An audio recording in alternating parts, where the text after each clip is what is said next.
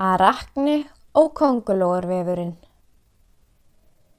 Það var stúlka í Lítíu sem hétt Arakni. Fadir hennar starfaði við efnalitun.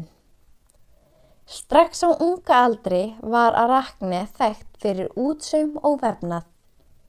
Listvefnaður hennar var svo fallegur að dísirnar úr nágrenninu komu til að dást af honum.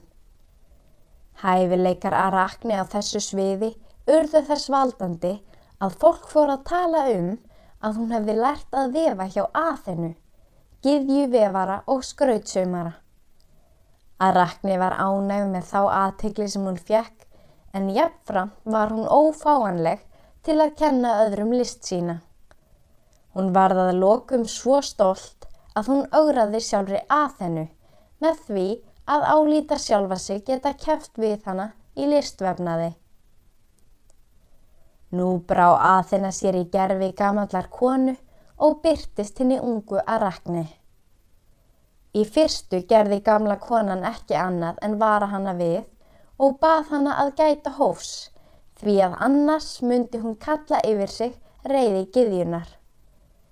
En að rakni svaraði með háði og spotti og móðgaði þannig geðjuna sem varpaði nú gerfinu af sér og þær hófu keppni í vefnaði. Minstrið á vefnaði að þennu síndi guðina á Ólumpsfjalli í öllu sínu veldi, en í hornin á verkinu setti hún myndir sem áttu að vera að rakna til viðvörunar.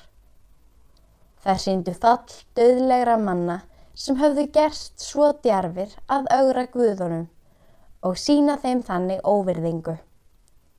Að rakni óf aftur á móti revil með myndum af elskendum úr flokki hinn að grísku guða, engum ef um leinilega ást var að ræða.